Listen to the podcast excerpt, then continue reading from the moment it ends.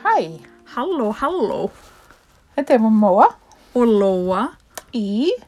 Frú Barnaby Loksins Ó já, loksins. Þátturinn sem að við erum búin að vera að býða eftir að færa ykkur, kæru hlustendur Mjög lengi. mjög lengi, Og ár, mjög einangraðar. ár og aldir í einangrun Einmitt. Eða- Og sótkví. Og bara nefndu það. Já, það maður er ekkert að leika sér að þessu, að þessu COVID. Nei. Það er ekkert mikið að vera að grínast með það. Og, og við e, í stúdíu Barnaby tökum eh, þessu frekar alvarlega. Algjörlega. E, þú ert nýkomin úr sótkví. Já, einmitt. Það voru, sem sagt, úlinga börni mín sem að voru sótkví og ég með. Og það var öll úlingadeild Östubæskóla sem var þar undir. Já. Góðan daginn. Og, og foreldrarnir voða ánæðir að vera lokaðir inni með þeim. Það var dásamlegt. Er það Og ekki? það var svo hugulegt. Nei, já, þetta var e, þessi þriðja bylgja, Hún er verst. hún er leðlust. Fólk, mér erst fólk verið að segja það. Hún er, maður er ekkert að grínast með þetta lengur og, og hérna, þetta er bara ekkert gaman. Nei, og svo er þetta líka hausti. Já. Fyrsta bylgjan kom á vori, Já. það vann svolítið með henni. Já. Já, Og svo er, svo er veðrið að verða verra. við höfum tekið eftir því Við í frú höfum- Barnaby. Já. Við erum mjög næmar fyrir veðrinu. það var við þar sem ég sagði við Mattias í dag, hann var eitthvað eiginlega þreyttur í vinninni og ég sagði já, þú ert að vera svo gamall, þú ert farin að finna fyrir læðinni.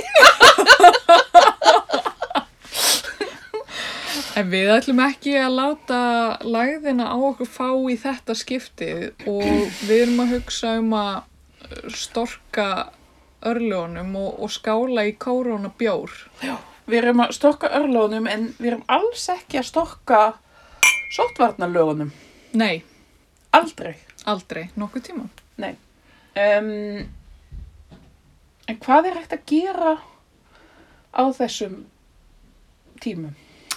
Umorlegu tímum. Nei, já, þetta er góð spurning af því að, af því að það eru margir sem er að finna fyrir andlegri lægð. Já. skulum við segja. Já. Eh, fólk er, eh, já, einmana eða krepir á fjölskyldu sinni, Mjögulega. bara, eða bæði Já. stundum. Eh, Eða þú veist, það sem verra er fær ekki að hitta fjölskylduna sína Já. eða eitthvað í Já. einhvern tíma. Það er líka ekki gaman. Er í einangrun einhver hótelherbyggi? Það Já. er til dæminu. Já, Hvað gerir maður þá? ég nefnilega veit það ekki. Ég hugsa oft, þú veist, þegar ég sé story á Instagram frá einhverjum sem er í svoleiðis, þá hugsa ég stundum, þetta væri ég kannski til ég að gera. Að vera bara einhver staðar þar sem að ég þyrt ekki að gera neitt. Já. En svo efast ég um að þetta sé gaman. Nei, ég, sko, mér fannst ég vera svolítið svona heft í þessu sótkvíi. Já, Þú veist, get ekki hitt fólk, já, get ekki farið í búð já, og svona. Og svo er, þú veist, svo er sótkvíi kannski ekki beint alveg að virka í lítillri íbúð. nei, það er eða þú nefnilega... veist, sæmilegri íbúð, ekkert lítillri en þú veist, Nei, ekki sér samt að rísa stórt hús. Það er kannski auðvelt að fara í sóku ef maður er Elisabeth, englandsdrottning.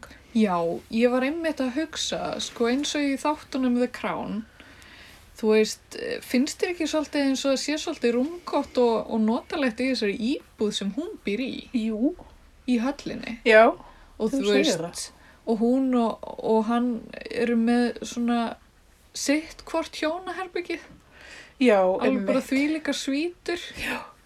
Eh, Já, þau voru samt allavega í fyrstu seríinu, þannig alveg fyrst beint á móti hver annari. Já, ég er að það tala um var það. svolítið kósi. Svolítið kósi Vil maður það? mm, Það er allavega auðvelt að fara í, í sólkví og uh, já, svo hef ég svolítið, svolítið hugsað um þetta því að nú er ég ekki búin að fara alveg í alvöru sótkví en, en hérna en hitti fólk sem hitti fólk sem að hitti einhvern sem var með COVID já, og þú veist hvernig maður verður eitthvað nájaður en nú bý ég í fjölbýlishúsi og ég gæti sennilega ekki þvó þvottin minn ef að ég væri í sótkví nei, einmitt, þú getur ekki þvegið Nei. hann, nei. Ég nefnilega er svo heppin Já. að ég á mitt eigið þvóttahús. Ó, Það er basically top of the world að mínu mati. já, það er nefnilega, það er doldið flott. Mér finnst það bara, þú veist, vera næ- næstu, næsti bær við Buckingham, sko. Já. Þú veist. Finnst þér þú vera svolítið fín kona Já. þegar þú setur í þvottavélina þína? Ég, þú veist, ég er með mína þvóttavél í mínu þvóttahúsi. Jú, Og eru þið með þurrkara? hér er nei, það er gott. Skemmtilegt að þú skildi nefna þetta. Lóa. Er þetta hitamál á heimilinu? Nei, en vegna þess að þanga til í sumar Mm. hef ég verið ödul talskona þess að fólk eigi ekki að vera með þurrkara. Já. Að það sé orkuðisla, að það sé blati blati, búin að vera svona mjög svona heit, heit, mikið á móti því og mamma hefur oft búið mér að gefa mér þurrkara. Ok. Og ég hef alltaf sagt bara nei. Og bara ég þarf ekki á slíku að halda. Mhm. Og reyndar var ég með snúrur úti sko þar sem ég bjó áður og það var, mér fannst mér mjög næs að hengja upp úti. Já, Og skotar, þeir eru mjög mikið að hengja úti. já. Bara, þú veist, allan ásins ring. Liggu við. Þó, þó að sé ráslega rakt þarna hjá þeim. Já. merkileg en þannig en svo fór við hann í ferðalag í sumar Já. í sveitina Já. og fór við í langt ferðalag Mm og þá voru nú góður á dýr við þurftum að þvó þvottin okkur sinnum í kringu landið og þá komu þurrkarsernir þurrkararnir sem er það Já. sér alveg fárlega vel og ég bara ég verður að segja að ég var svolítið svona, Ástfangið. já, ég svona hugsaði bara, já, af hverju ekki Ok. Og ertu búin að íhuga að fá þið þurrkara? já, ég er búin að íhuga það, ég er ekki búin að taka skrefið svo, Nei. Emmitt. en ég bara sá fyrir mér, þú veist þetta er alltaf svolítið verkefni að fara niður hengi plotin, fara niður upp brjóta saman þetta er enda reitt af mínum helstu áhugamálum það er að sitja við sjónvarpið og brjóta saman þvott segi ég alltaf Finnst þér það í alvöru gaman? Ég held að mér finnist það smá gaman að því að ég ger það svo mikið, ég veit það ekki. En, þú veist, ef maður setur í þvóttæl og svo þurrkara, þú veist, þá styttist ferlið svolítið. Já, það gerir það. Ert þú með þurrkara?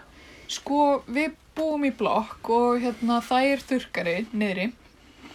Uh, ég set samt ekki, eða maður á ekki að setja allt í þurrkara. Nú. Náttúrulega. Það er einhver speki. Uh, það, uh, til dæmis, nú veit ég ekki hvort að, veistu stundum að, að hérna, þú veist, stundum er einhverja svona reglur sem maður hefur fyrir sjálfan sig sem maður veit ekki alveg hvaðan koma Já, hvort að þetta hafi verið einhvern veginn að mamma gerði þetta bara svona en ég veit ekkert af hverju já, en svona íþróttaföt og svoleiðis set ég ekki í þurrkara njú, af því þau rafmagnast svo en ég veit ekki hvort það sé kannski einhver annar ástæða fyrir því en uh, til dæmis svona buksur og bóli set ég helst ekki í þurrkara bara sokka og kannski handklæði og lög og eitthvað ok, Já. Og ég, núna þegar ég er að, að útlista þessu, þá veit ég eiginlega ekki hvaðan þetta kemur. nei, ég með ég bara hendi, skellti allir þannig þurrkaran á Já, en það, ég held, allstar, ég held allum að- tjálsæðum og eitthvað. ég held að sé allt í lægi að gera það, sko. En Já. það er bara eitthvað svona, ef maður er að, þú veist, ef maður gera það í hvert sinn, það, ég held að þurrkarinn eitthvað svona eyði fötunum meira. Já, þú veist, hraðar. já. Að það sé eitthvað svona máli. Mm. uh, í því en uh, fascinerandi alveg. mjög en þetta er svona hlutir sem maður, sem maður velti fyrir sér svona þegar maður er fastur heima og svona þá velti maður svolítið eh, ég er búin að vera að velta svolítið heimilisverkunum fyrir mér og ég er búin að vera rosalega duglega að vaska upp Já. Eh, að Þið er ekki með uppsóttuvel eða hvað? Nei, það er eiginlega bara það leiðilegasta sem ég geri er að Já. vaska upp Þetta heima. er náttúrulega sko, uppsóttavillin held ég að við komið í veg fyrir marga skilnaði. Alveg ábyggilega og svo, svo er svo fyndið sko út af því að það eru nú margir sem eiga uppþóttavel og, og segjast kannski nota hana lítið eða segja að þeim finnist alveg gaman að vaska upp. En þetta Hvaða fólk er það? Ég hef aldrei hitt þetta ég fólk. hef í alvörunni hitt svo marga sem segja eitthvað svona. Þetta eru bara legar. Já, af því það í fyrsta lagi, það er ekki gaman að vasku upp í öðru lagi, það tekur rosalega langan tíma mm ekkert smá og ef maður er að elda eitthvað fullt og nota kannski fleiri en einn eða tvo potta þá er maður bara all, allt kvöldið að vasku upp Vá. og svo, svo sapnast þetta svo upp ef maður er ekki alveg nógu duglegur Emmitt. að vaska upp og ég er nú ekki að segja að ég vask, ég vask ekkit allt upp eh, starkaður er eiginlega að gera það meira heldur en ég en, Já. en mér finnst þetta bara já En það er kannski hægt að hlusta á frú Barnaby við uppvaskið. ég held, ég held að sumir gerir það sko býtu hver var það sem að sem að sagðist hafa verið að taka til og það hefði verið bara ljómandi skemmtilegt bara af því að manneskjan var að hlusta á okkur Já, ég man það ekki. það var einhver, einhver góðu vinur frú Barnaby sem Já. var að segja það. Þannig við erum bara mjög gla- eh, glaðar ef við getum uh, gert tiltækt eitthvað bærilegri fyrir Mhm. einhvern.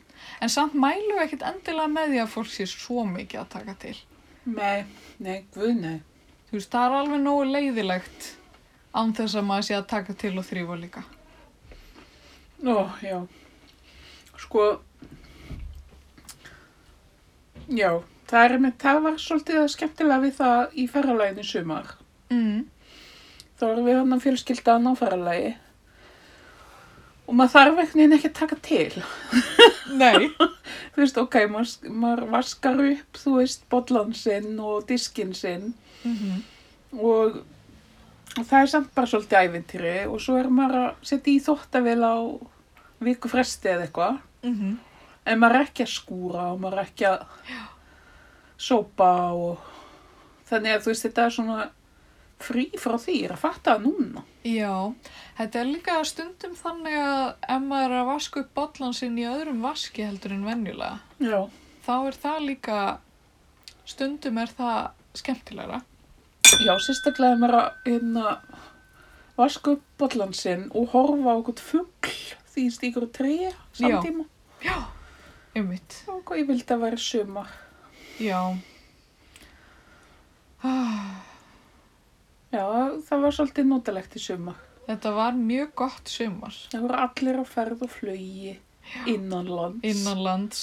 En þú veist, það var samt alveg notalegt. Ég held að þetta sumar, ég held að fólki eftir að muna mjög vel eftir þessu sumri. Já, Og þú veist, ég held að, held að ég hef einhvern veginn á tilfinninguna að þessu sumri verði gefin einhver svona engunráð, svona eins og Summer of Love eða eitthvað svo leiðis. Út af, summer of COVID. já, eitthvað svona. Út af því að, þú veist, það er líka þetta fenomen að, þú veist, fólk var að fara út á bar og þ- allir barir þurfti að loka klukkan 11. Þannig að, þannig að svo voru bara allir að dansa og drekka úti. Já, einmitt. Það Eitthvað. var rosa mikið af fólki að, að dansa og drekka út á Arnarhóli. Já, einmitt. Þetta var svolítið vandamál hann í safnahúsinu. Já, er það? Það var svona safnaðist upp alls konar dótari fyrir framann húsið Aha. og aftan. Ok. Og hver þurftu að taka það til? Já, bara við og var ekki svo öðru og svona. Ok. Damn. Já, En þetta, þetta hafði þau áhrif að uh, uh, safnastarfið hjá mér já, út á langanesi var með svolítið öðru sniði heldur en venjulega og hérna Uh, ég man nú að einhvern tíman setti ég status á Facebook fyrir nokkrum árum þar sem að ég hafi photoshoppað einhverja fyndna mynda sjálfur mér uh, og, og postaði einhverjum eh, fyndnum ummælum um að það kæmi aldrei neitt á safnið sem ég er ná fyrir norðan og, og þá sko skammaði yfirmaður minn mig Ó, fyrir það og sagði að þetta væri ekki gott fyrir ekki nóg jákvæð. ekki nógu jákvæmt fyrir ímynd sapsins en, en sem sagt einn af best, bestu elementunum við að vinna á litlu sapni út á landi er að það er kannski ekkit rosalega mikið að gera Gera. eh, og ég reyna alltaf að finna mér vinnu að því mér er svo leiðilegt að vinna að, að, þá reyni ég alltaf að finna mér vinnur þar sem að er ekkit eitthvað svo mikið að kvöðum Einmitt. Þú veist það þarf það þarf kannski að sópa dauðar flögur úr glöggunum og, og kannski aðeins taka til í eldhúsinu og, og þú veist trífa klósettinn og, og svona en svo, svo er maður kannski bara búin að því öllu bara á kannski klukkutíma eða svo og Já, svo getur maður bara gert það sem maður vill. einmitt. Og hvað gerir maður þá? Eh, Ímislegt, les bók eða hangir á netinu eða gerir krosskátur eða eitthvað. Mm. Stundum horfum maður á kindunur út um klukkan, þú veist, eða, eða rekur heimalingan úr garðinum eða eitthvað. Mm, Já. Og, eh, en, en já, í, í sumar var eiginlega bara engin tími fyrir svona því að það var bara endalaus ágangur af eh, íslenskum gestum sem, a, sem að koma á safnið Já. og eh, Hýttu pönnukökur? heimtuðu svoleiðis reyðina bísnapönnukökum. Er þú ekki bara sérfræði bakari? ég held að ég hljóta að vera það. Mm. En hérna, en Íslandingar eru talsvert dugleri að borða pönnukökur heldur en útlendingar. Já, útlendingar skilja ekki pönnukökur. Nei, Það er svo skrítið allan að breyta. Ég bjó einu sinni, ég var beðin um að búa til eitthvað svona íslenska kökur fyrir summerfestival í skólanum hjá stelpunum. í Skotlandi. Já, og ég bara ok, ég ger pönnukökur. Það, það renna alltaf fyrst út í barnaðamælum, þú veist. Já, Ok, gerð það. Gerði sko þvílíkt myndalegt fjall ok. Rúla, rúlaður þeim upp með sigri. með sigri, já. Já. Ok, F- mæti með þetta og fólk bara horfði á þetta. Var ég búin að segja þér þetta áður? Nei, kannski? Nei, þetta ekki. Nei, fólk bara horfði á þetta og svona, what is in this? og það var ein mamma sem tók svona eina pönnukökuna og bara, og skar hana í bita með gaflinum Já, og svo s- svona gaf hún bönnunum sínum svona varlega eins og geti mögulega verið að gera af þeim eitthvað eitur eða eitthvað jésús, og bara let's have a taste ok. þú veist, og ég var bara vá, er þetta grínast í mér ég fór heim með pönnukökur Í alvöru. Það er bara aldrei gerst. aldrei Sko, hérna, það er nefnilega frekar áhugavert að fylgjast með útlendingu borða pönnukökur og hérna, stundum hef ég gert það að ganni mínu að, að kenna þeim að borða pönnukökunar. Af því þú veist, á, á safninu, það sem ég vinn, uh, þá, þá ber maður fram pönnukökuna með, þú veist, með rjóma og sultu bara svona til hliðar. Þannig að Einmitt. fólk getur stjórna hvað fer á Nemi. og hérna og eins og eins og ég er nú alltaf að tala um þá þú veist, Íslendingar elskar svo mikið rjóma en þjóðverjar elskar sultu þannig það er einhvern veginn engin, engin leið að að skamta honi fólk Nei. en hérna en sem sagt, svo er svo áhugavert að sjá sko hvað fólk gerir þegar pönnukakan er komin á disk og svo fer sulta á hana og kannski eitthvað svona slæðingur á rjóma og, og hvernig sko fólk er að brjóta hana saman Ó, já, það er svo fyndið Af því að við um breska vini sem að koma alltaf á hverju ári á Langanes. Mm.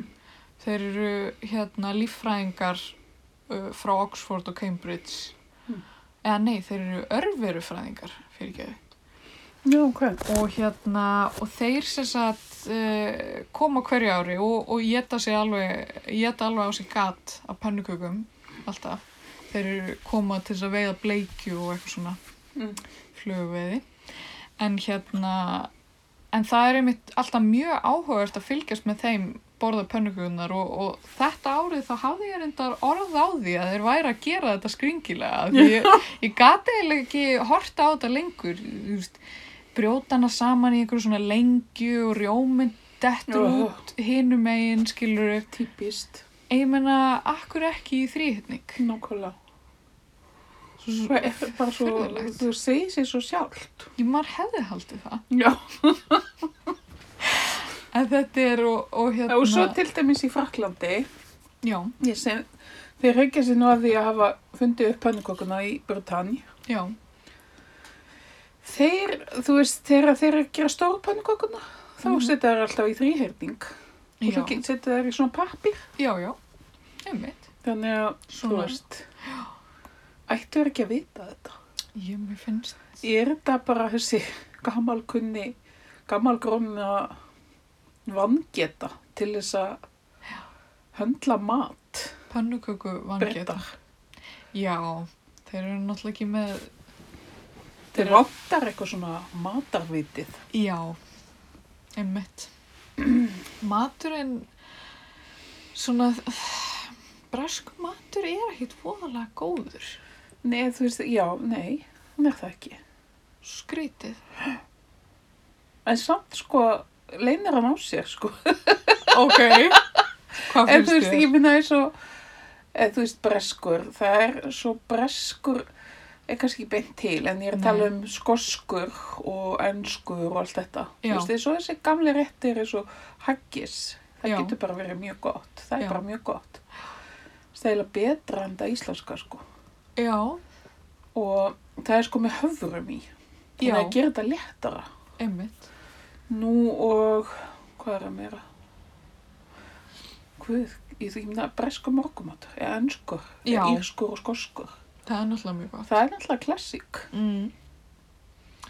Svo eru þeir með alls konar svona bökur Já. með, Shepherd's pie, það er mjög gott. minnst það geggja gott. Við gerum það stundum með lambahakki, Ok. það er mjög gott. Um, já, ég man ekki eftir neinu akkurat í bylið. Einmitt. En þú veist, já, það sem er kannski meira máli að það, maturinn er eitthvað svona second thought. Já, Þú veist, þannig er einhvern veginn, ég veit ekki, hann er ekki svona miðsettur svona eins og í sömum, já, þú veist, svona mið, miðja alls. nei. Já, en þið, ég meina þið fóru í ferralag líka. Við fórum í pingu lítið ferðalag. Já, þið fóru í lítið ferralag. Við fórum í stórt. Já, þið fóruð í nokkuð stórt ferðalag. Já. Og hvert fóruð þið eiginlega? Við bara í kringum landið á svona svolítið skrítin hátt, sko. Mm Því við fórum, hvað heitir það? Kjöl. Já. Og við höfum kannski átt að sjá það fyrir en sérst fengum alveg hryllilegt veður upp kjöl. Já. Og þið fenguð alveg aftaka veður bara eiginlega allan tíma. Já, allan tíma. Já. En þú veist, en það var samt svo margt jákvætt við þetta ferðalag. Um, við ætluðum ekkert að fara í ferðalag á landi í sumar. Við ætluðum að fara til Berlunar. Já, En það sem var jákvætt að, þú veist, maður fer á einhvern veginn heimsækjir fólk sem að er út á landi. mm. Það er mjög jákvætt. Mm Nú, svo er maður bara svolítið mikið úti. Mér finnst það svolítið gott. Því maður er svolítið mikið inni á vetuna. já, einmitt, Þú veist, já, ég allan. já, einmitt. Ah. Ég er eitthvað að láta þetta ástand svolítið buga mig akkurat núna. Ég veit ekki, það er kannski svolítið margir í þessari svona andlegu lægð sem er að fylgja þessari þriðju Já, algjörlega. fylgju. Algjörlega, ég, hérna, ég er svolítið þar, sko. Svolítið deprimerandi. Já. og svona það er svolítið notalegt að hugsa um sumarið en, en hérna en samt svona svona ljúfsátt. ljúsárt Já, líka því sko þá maður gætt farið í ferralag um Ísland þó. Núna er það ekki hægt. já, En núna eru, þú veist, já, eigum við helst bara ekkert að fara neitt. nei Um, hvað getur maður gert heima hjá sér? Ma Hvað mælir þú Barnaby með? já, þetta er endar kannski daldið eh, gott segment Já. frú Barnaby mælir með Nákvæmlega, þetta er nýr, nýr hluti í þáttættinum. og það eru bara svona jákvæðir hlutir sem Já. má gera til þess að lifta Ok, við mælum með að, að njóta menningar og lista já, hvernig gerum við það? þá tala ma- eh, þá, þá er maður að hugsa um tónlist og kveikmyndir Sem minnum á það, ég hvort ég má eins og segja það hérna að ég fór Barnaby. ég veit það ekki En ég, við erum með kvikmyndaklúb, þú og maðurinn minn. ok og eru þið Við erum þetta með tvo. ok Við er, erum tvo kvikmyndaklúba, hef ég sagt frá þessu áður? er, nei, Uh. en eru þið með tvo kveikmyndaklúpa sem þið eru bara í Já. en, en mismunandi klúpar Já, sko, því Arnar er með einn og ég ákvað að vera með þá annan af því að Arnar er með fjallaköttin og ég er með fjallarefin. ok, og er, börnin eru ekki hluta af þessu eða? Nei, nei, þeir neina ekki að horfa með okkur lengur. Það Nei. þarf svolítið að múta þeim til þess. ok, En í gær horfðu við á, og ég ætla bara að segja það hér og nú, þú ert að tala um að njóta lista. já, Við gerum það svo sannarlega í gær. Við horfum á Cries and Whispers ok eftir Ingmar Bergman. Hefur þú séð hana? nei, Frá 1973. ok, Þetta er bara a must see. ok Uh, þið mun ekki líða vel á meðan. nei, Jafnvel mun þér líða mjög illa. ok En þetta er líka stil bara besta mynd sem ég hef séð. ok, Og það sem er svo skrítið við þessar myndir hans Ingmar Bergman sem að við höfum verið að horfa á bæði í fjall, eða aðalega í fjallakettinum að það er bara þú veist, hann bara gerir þetta hann er bara magnaður sem maður. Ég held að ég sé fullkomna þetta andi. ok Ég held til dæmis ekki að vera hægt að toppa ótömm sonata sem ég mæli líka með. Ok, En hann gerði það með Crescent Whispers og hann einhvern veginn, hann er ekki að tala við heilan á þér. ok, Þetta er ekki verið að tala við intellektið. ok, Þannig að ég get ekki líst hvernig þessi mynd hafði áhrif á mig en hún hafði svo djúbstæð áhrif að, já, ég bara get alls ekki líst því að þetta hefur áhrif á einhvern veginn á kjarnan á, eða á tilfinningarnar. Já. manns. ok. Þannig að Það hljómar kannski mjög svona vesturbæjar tippalega, en ég mæli samt með þessari mynd. Vá, sem minnir mig á það, talandi um vesturbæinga, Já, við erum ekki nærri búin að gera grína þeim, nei, held ég, nú, því miður. ó, En mér eh, barst hérna orðrómur um að vesturbæingar væri með hýrarkju innan vesturbæjar. nei, Það er- hóðu upp, jú, já, Að það er sem sagt, s- það eru sem sagt fordóma milli parta af vesturbænum. já, þetta, Þú veist, eftir því hvar þú býrði í Vesturbæ. ah, emmitt. Þetta þótti mér nokkuð áhugavert. Það er náttúrulega sko gamli vesturbærin, Já. hann er sér á parti, Svolítið sér. 101 er það ekki. Já, eða, já, Þess að sunnan við, eða norðan við tungötu, já, ætli það ekki. þú veist, bara gamli gamli. Já. Svo koma hann að vallagötunar. Mm Sólvalla og ég bjó nú eins og þar. Það er næskverfi. Það er mjög næst hverfi, en það er svolítið fínt líka. Það er svolítið fínt. En það er, það er samt svolítið blandað. Já. Það er ekkert bara Mhm. eitthvað snoblið þar sko. Mm. Þú veist, það er alveg, íbúðnar er ekkert risa stórar eða neitt Nei. hannig. Nei, emmitt. Nú, svo er náttúrulega 107. Já, E, Eh, skiptist það eitthvað? Það nefnilega held ég skiptist eitthvað út eða eitthvað eru blokkir. Já, já, já. Og það er svona basic vesturbær. Já, En svo einhvers staðar annar staðar, nú, nú þekki ég ekki alveg land, landafræðina í vesturbænum, en það er á einhverjum öðrum stað sem að, sem að svona listaspýrurnar og, og fína fólki býr. sko náttúrulega fína fólkið, allra fínasta fólkið hlýtur að búa ægisíðinni Ægisíðunni, já, ég fekk í það heilum staðfest. húsum Já, já, ég fekk það staðfest. og já, við stórstjarnan býr þar. Jú, jú, Það má vist ekki segja það, en þú veist. um, og svo mela, þú veist, mela skólakverfið, ef Já. það sér. Það er sko bæði blokkir og svo eru svona venjuleg hús, eða svona nokk fjölbíli. já. Nú bara Nei. þurfum við að fá uh, sérstakann sérfræðing. held Sko, Já, ég. heyrðu, ég á eina vinkonu sem við þurfum reyndar að fá í viðtal hérna. Hún býr í Mm. Vesturbænum, en hún er ekki sko, hún er ekki upprunin í Vesturbænum. Þannig að hún getur komið svona outside look á þetta. Já, hún fluttist þangað viljandi. Já, reyndar. Já, En Hún er búin að búa í nokkrum tegundum af Vesturbæjum. ok. hún er svona blandaður vesturbæðingur. Já, en S- seinni hún ára. er sko ólst upp í svona, svona innflytjendakverfi í Svíþjóð. Ok, áhugvært. Þannig að ég held að hún geti kannski opnað auð okkar um þessi mál, Það getur verið. mögulega. En við, hvað mælir frú Barnaby með? Við mælum með að njóta lista.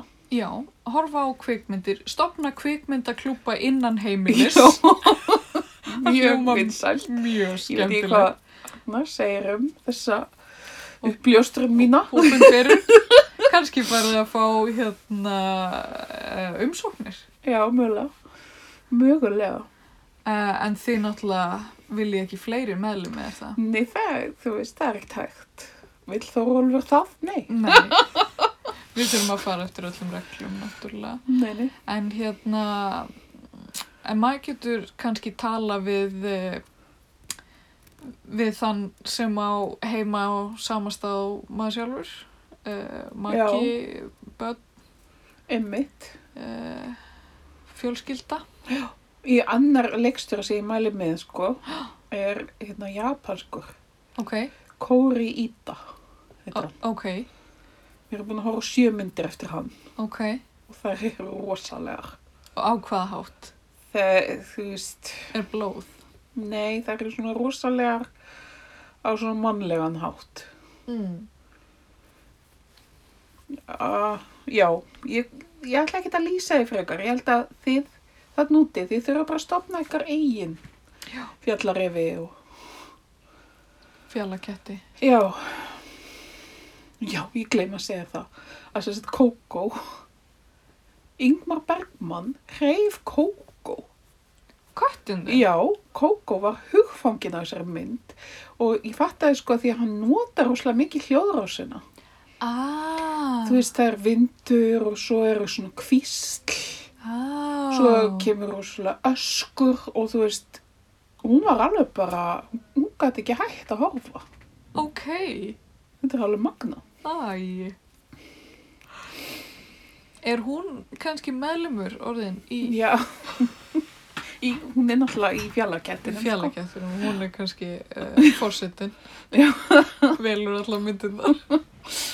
En já, hvað ætlum við að segja, mæla með meira? Já, svo náttúrulega lestur góðra bóka. Þá, þar getum við uppljóstra því öðru.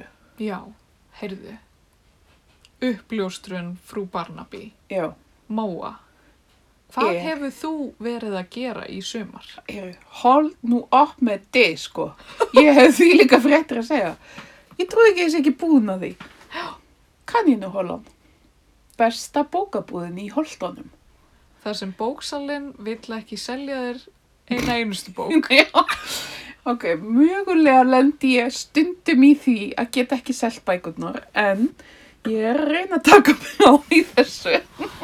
Og hvað finnst þér skemmtilegast við að hafa stopnað þína eigin bókabúð, segðu mig það. Já, sko, þetta er náttúrulega formlega séð ekki beint bókabúð, þetta er svona fórbóka skúr, bílskúr já, með fordbókum í já, sem að ég sel á mjög vægu verði til fólks sem á leið hjá. ok, Ég pína ágjur af því að skatta yfirvöld myndi koma og segi ég með þetta ekki. þarf maður að borga virðisauka af notuðum bókum Nei, ég, náttúrulega- ég er ekki beint að reka neitt rekstur af því að það er bara stundum opið og aðalega lokað. já, Nú er lokað þetta COVID. en það er hins vegar mjög mikið af góðum bókum þarna. já, ég, ég tek alveg undir það Og já, það er eiginlega bara góða bækur. og flottar hillur nú er Já, s- svo er ég komið Antík Ívarhillur þið já, eða Original Ívar. Og já, bara þetta er allt að gerast. Núna erum við að reyna að bjástra við að setja hýta, sko. ok Svo kemur hurð, betri hurð. mm -hmm. Þannig að þú veist, þetta er allt svona að koma. En kanínu hólan, fornbúka makkaður í holtunum. Það er eitthvað sem er að vera til. Þetta er, eh, sko, ég var að segja pappa mínum frá kanínuhúlinni og hann er mjög spenntur að koma í, Ok, í búðina til en þín. spennandi. En, hann, en honum finnst alveg ofsalega fyndið þessi aðskilnaðakvíði sem þú hefur varandi bækunar og ég held að hann tengi svolítið við þetta. Já, sko, vandamáli er að þetta er allt of góðar bækur. Af því að pappi, þetta er flest allt bækur frá pappa mínum. Pappi mín hafði óhemjulega góðan smekk á bókum. Og ég náttúrulega ákvaða að gera þetta af því ég get ekki haft allar þessar bækur hjá mér. Þetta Nei. eru margar þúsund. Já, já. Þetta er. En ég get samt ekki alveg selt allt. Og já, þannig að þetta er svona, þetta er innri barátta, ytri barátta, þetta er barátta. Lífið er barátt. En það sem að ég ætla að segja er að finna einhver góða bók að lesa. Já, Það, við mælum með því. já, Þórólfur myndi styðja það, já. held ég. Og ég er búin að vera að lesa svolítið af bókunum frá Angostúru Já, þýttar bækur yfir á íslensku. Það er nú ekki droslega oft sem að ég les á íslensku, þannig að mér finnst þetta bara mjög gaman. já, ég, reynda, ég var reynda að lesa, nei, ég nýbyrja að lesa sumarbókina eftir Tófi. Já, Ég hef lesið hann á ensku, já, en ég fekk ábendingu um það að íslenska þýðingin eftir Ísak já, væri bara ótrúlega góð og hún Mm. er það. Hún er bara, hún er bara sælgæti. það skiptir svo ótrúlega miklu máli að þýðingin sé góð. Bara öllu máli, Bara öllu máli. algjörlega öllu máli. Og það er stundum sem ég hef lesið bækur sem að hafa verið þýttar yfir á íslensku sem að ég bara get ekki klárað. Af Nei, því að einmitt. þýðingin er bara eitthvað svo út úr takt við það sem er verið að segja. Já, já, algjörlega. Nú er ég þýðandi, sko, ég fer svolítið svona taugum, sko, þegar þú segir þetta. Já. Ég fer að hugsa um eitthvað. Ég hérna, ég veit samt ekki hvort mér langar að nafngreina einhverja bækur. Uh, en það er einn sem ég hef verið að lesa og kannski nokkur aðrir hafa kannski verið að reyna að berjast í gegnum hana. En mér finnst bara svo erfitt að lesa hann á íslensku. Og mér finnst eins og þýðingin, ég veit ekki, það er bæði er mjög erfitt að þýða vel. Já, það er það. Það tekur tíma og... og ég er mjög forvitið, hvaða bók er þetta? Oh, mér langar ekki að tala illa um eitthvað í, Já, ok. í þættinum. Nei, ok, ég verð að segja. Ég, sko, kannski er þetta líka bara persónulegt mat. En ég er búin að eiga rosa erfitt með að lesa hérna æfisögu Trevor Noah á íslensku. Já, hvað, ég las hann á íslensku, alla. Ertu ekki að tala um þessa sem ga- kom út hjá Hjá Ágústu? Angustúru. Ég bara, Mér fannst hún bara, ég bara get þetta ekki.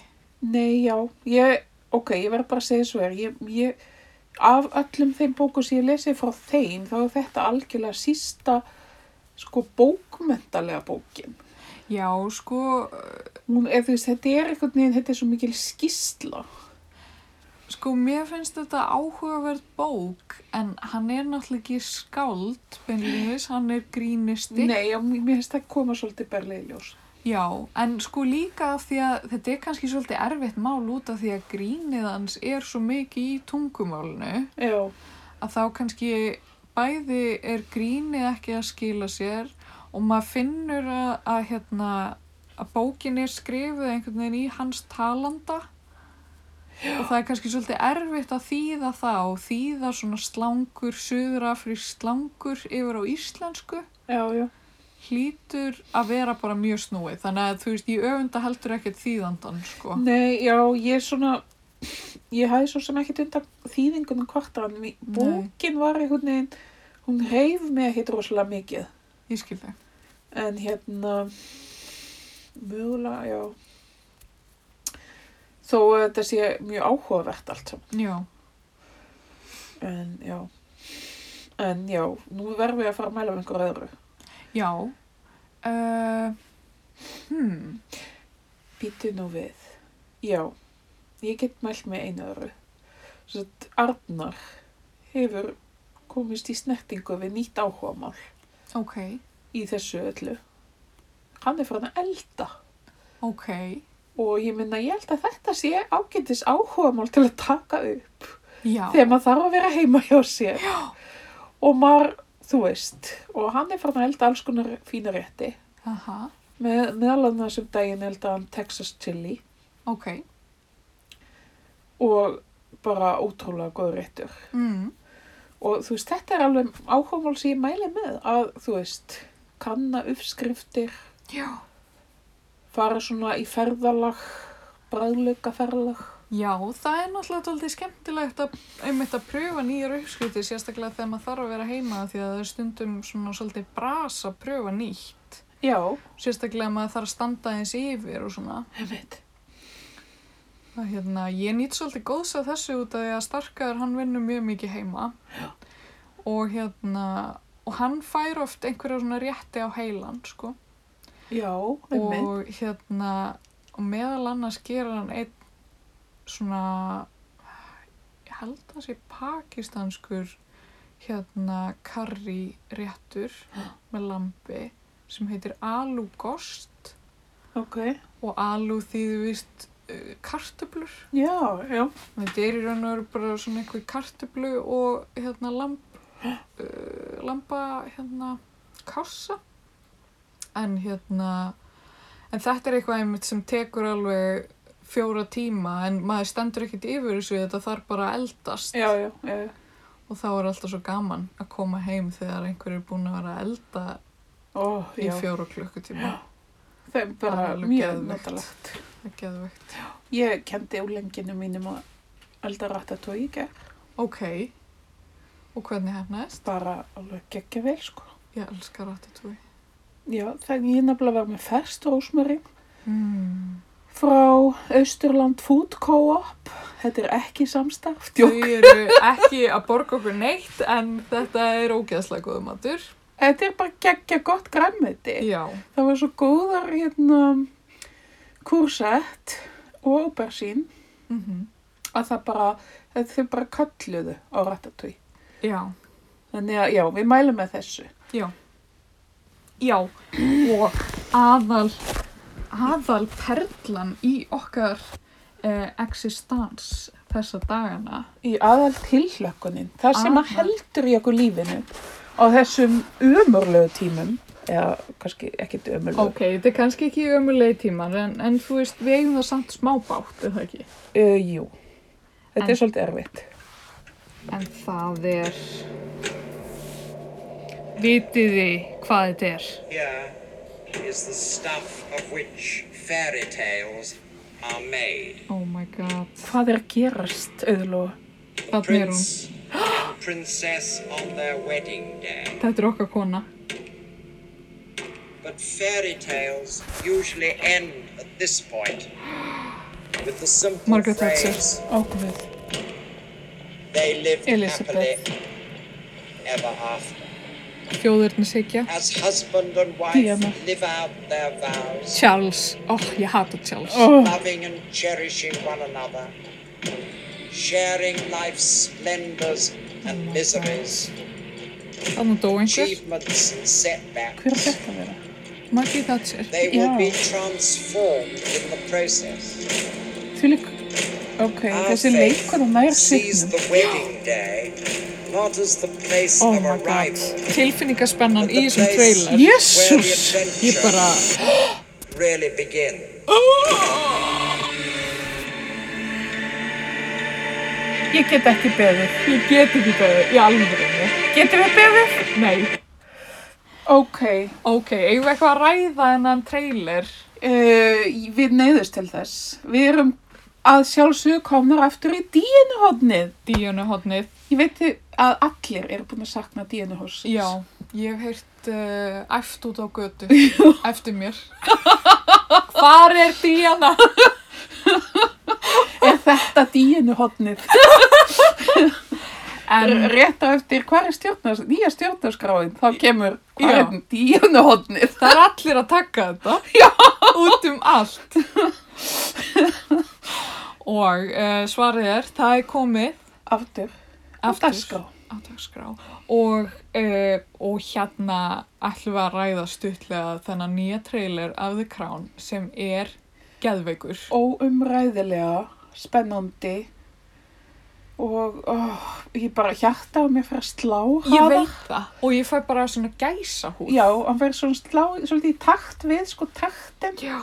Þetta er alveg, sko, það er algjörlega verið að spila með allamanns sálar uh, flækju þarna. bara 100% og líka af því við vita að við erum með svo gott efni í höndunum okkar kona Díana er komin loksins Já. á sjónasviðið Prinsessa fólksins, og ég bara hlakka svo, hjarta drottningi. hlakka svo til Ó, ég bara, já, það, og ef það er eitthvað sem við þurfum á þessum tímum, þá er það þetta það bara verður að segjast og bara og hvað þetta verður skemmtilegt af því að sko The Crown er búið að vera freka gott já, finnst mér til þessa einmitt. og hérna og hérna svolítið skemmtilegt hérna kommentin hérna já það er undir. svolítið gaman að að hérna, hérna er eitthvað fólk sem eru svona fangirls eins og við Some te- Something tells me that Charles and Camilla are gonna hate this season um, og I like how Lady Diana is long gone yet that doesn't stop her from saying rele staying relevant and most talked about for the past 23 years Já Spáði í því nákvæmlega This actor for Charles is a lot more good looking than Charles Ok, þetta var svolítið hars. uh, Dóttir Hans að hann er aðeins þetta. En samt ég, ég veit það ekki, ég veit ekki, Mér- mér- Charles er ekki svo ljó. hann er ekki hann er ekki ljótur en mér finnst þessi samt leikari svolítið sætur Já, reynda. Kannski er það því þessi leikar er svona aðeins búin að sæta hann. Við skoðum við. Já Kannski er maður þá bara eitthvað Já, er hann ekki bara myndalegur? Já. hann er að gera hann greiða. Halló. Ég sko, ég hlusta á fullta öðrum podcastum heldur en frú Barnaby Nú, Já, ekki ég, nei, tjóka. Móa er örgulega hér mesti aðdóndi frú Barnaby eða þú hlustar allavega hvað mest á þættina Já, en þú ert líka hljóðkona einmitt, einmitt, teknikóla. En hérna, en ég, ég sem sagt hlusta á eh, hlaðvörp er náttúrulega rosalega góð dælstýting Já, það er reyndar, þetta er að, það er allir að gera hlaðvörp. Já, og svo að búa til hlaðvörp og Já. hlusta á hlaðvörp, bæði og hérna, en ég hlusta allavega svolítið á hérna hlaðvörp sem heitir Talk Art Ah, ok. uh, sem eru tveir breskigæjar sem taka einhver svona listamenn og, og listaverkasafnar og eitthvað í, í viðtöl Já. og hérna, og mjög oft þegar ég er á vinnustofunni þá er ég að hlusta á hérna, þá læti ég bara rúlla Já. hérna ímis hlaðvörp sem að ég fylgi og hérna, og þetta tókart það, þeir, þeir eru rosalega virkir og gefa frá sér bara viðtal á viku eða tvísvar í viku eða eitthvað, ég veit það ekki. En það kemur hérna breskun áhengi í þáttinn sem þeir segja að sé leikari og hérna listaverkasafnari. Ok. Og hérna um leið og hann fer að tala þá er ég bara, nei, þetta er Charles Nei. í The Crown. Já! leikarinn sæti Oh my þú God. ekki ekki, Er hann listaverkasafnari? Hann Já. er 12 ára. já, nákvæmlega skál fyrir því Ó, þetta er svo fyndið. en hérna, en hann var sem sagt eitthvað svona að tala um safni sitt og eitthvað svona hann hefur verið að safna einhverju svona þessu hinu og ég man ekki hvort að ammans var eitthvað listamaður Heyrðu, þe- ég- Þetta, ég var að opna nýja já, rauðslösku. já, Hún er bæði vegan og lífrann. ok það, það var gott Mjög. Sko, aðla bara lífrann. En mér finnst þetta ekki slæmt. og varst að búast við að þetta var í slæm Smá. en þú veist, þetta er flottur miði. Svona listræfn eitthvað. já, já, þetta er mjög sætum með þið þetta Frá síkili. Já. Ég við mitt komið þangað. Þetta er bara mjög fínt. Þú ert ekki svona eina, eina af þessum sem drakk upp bara franskt vín. fyndi að skuli nefna þetta vegna þess að ég bæði um aðstóð í ríkinu og er svolítið mikið að drekka bara fransk vín. Já. En ég veit ekki af hverju, en um, að því ég er engin vín sérfræðingur, sko. Mm. Og þú veist, þegar ég bjó í París þá drakk ég bara ódýrasta vínið í fernu Já. sem hægt var að finna, þú veist, þannig að það er ekki að sé við eitthvað lært á vín, en en þá var þessi- þetta franska vín sem ég kaupi venjulega, þá var það ekki lengur lífrænt, þannig að þá kefti ég það ekki. Hvernig hætta vín Ég- bara að vera... Bara skilja það Lífrænt. ekki, en það var- voru svona tvö vín sem hún sagði að vera hægt að vera lífrænt. Ok, og byrjuðu þér þá bara að nota einhver pesticides Það hlýtur að vera. á þrúðunar? Já. Jæja, ok. Ég Eitthvað verður meina þeir að gera. Það er Ha, flokk. Já. Já, en Diana, Charles, Diana og listaverkasafnari, Charles og, og ást eða, Crown. eða e, ekki ást. Hróki og hleypidómar. Uh, En sko, eins og við höfum verið að tala svolítið um The Crown í þessum þáttum já, og við, nú fyrir við nú bráðum að fara að ljúka þessu eða ekki. jú, jú, við, við verðum að fara að gera það. En það verður nú að segjast eins og er að ha, það hefur svolítið svona verið að tala fyrir hans málstað. Já, ég er nefnilega mjög áhugasum um að sjá þessa seríu og sjá hvernig maður snýst gegn honum. Af því ég var einmitt byrjuð að halda svona pingu með honum. Já. Af Því að hann er svona, maður finnur meðöngun. Já, eh, þú veist, það er verið að sína fram á hvað hans sambandi móðurina er er- Erfitt. erfitt og kalt Já, og hvað hann þráir í rauninni bara hlýju. og ást. Eins og allir. Já, og svo sem sagt kemur Camilla þarna og hann er ástfókin Já, en fær ekki að vera með henni. nei, Og það er allt gamla góða, sko. þar byrjar tragedían Já, og hérna, en já, einmitt, þeir völdu svona frekar sætan leikara til þess að leika hann og, og hérna, en er þetta kannski mér áður með gert á að reyna að snúa manni? ég, Til Karls er þetta kannski allt propaganda, krúnan. oh my god. Oh my god. Þetta er propaganda þáttu frá krúnunni. Og þeir, og þeir droppa inn einhverjum svona óþægilegum staðröndum eins og að, að Philip hafi kannski verið að halda fram hjá eitthvað svona og maður bara, ó, hvað, þetta getur ekki verið propaganda. En það er það í- kannski í raun og veru. Já. Þe- Og Þetta væri eiginlega mest klæfari sem þið getur gert. Af því að þau voru eiginlega mest vinsæl þegar að Diana var það var náttúrulega aðal. í fjölskyldunni. Já, já. Hún, hún breytti fjölskyldunni í þá fjölmiðla sko orgíu sem hún varð svo. Og hún bjargaði eiginlega krúnunni Já, í raun og öru. Af því þau voru orðin mjög óvinsæl. einmitt. En hérna, en já, ég, ég var m- mjög áhugaðsum um að sjá hvernig, hvernig maður breytist einhvern veginn í hvernig maður lítur á, á karakter sem maður er farin að þekkja. Þetta er fjórðaserjan. Já. Og hérna, það er spurningum að hita upp og horfa á hina þrjár aftur. Já, kannski ég gera Ég er að spá í gerða. Já. Ég er eitthvað að horfa á það svolítið oft. það. Er það? Að ég tók það eitthvað tíman, þú veist, aftur því ég var lasin og eitthvað svona. Já. Já. En ég er svolítið pínum fyrst Olivia Colman sem ég held mikið upp á.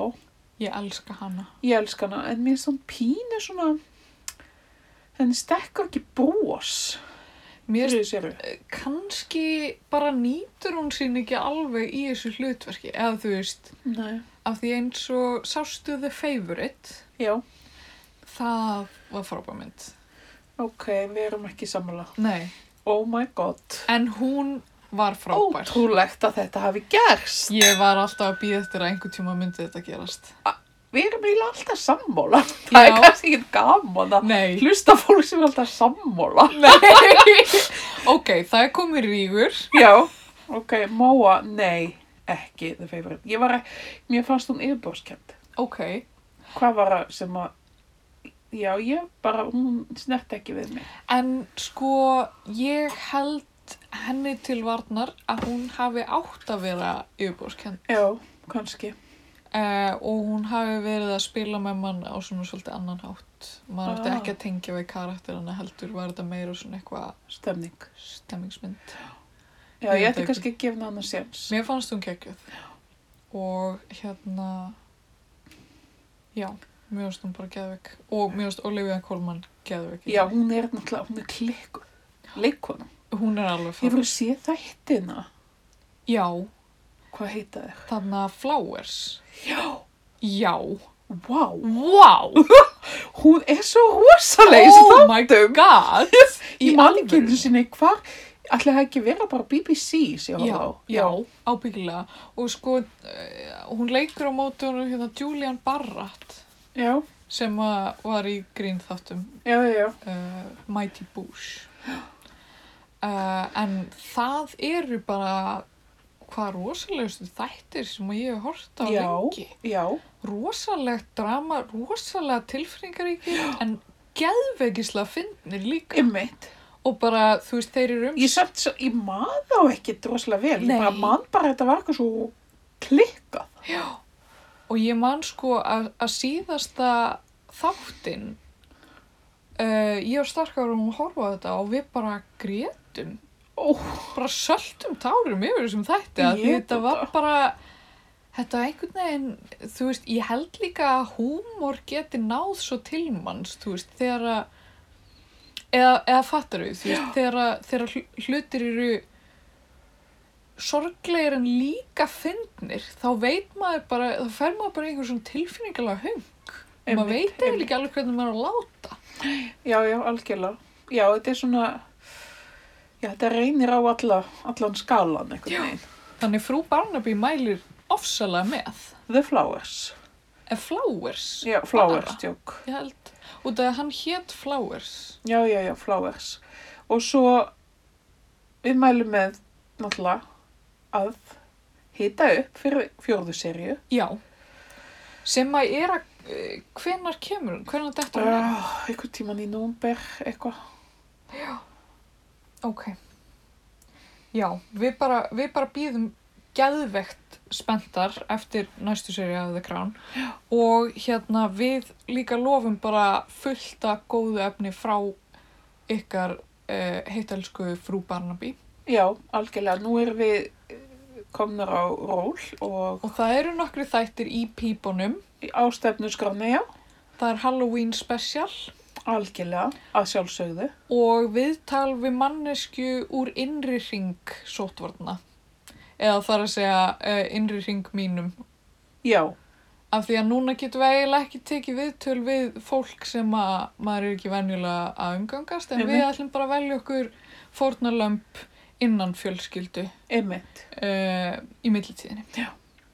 Og á meðan við, k- hérna, hegjum þessa baráttu við veiruna. Var þetta ekki svolítið gott? Jú, Ok. ég held að þetta eru bara mjög gott. Okay, bye. Bye!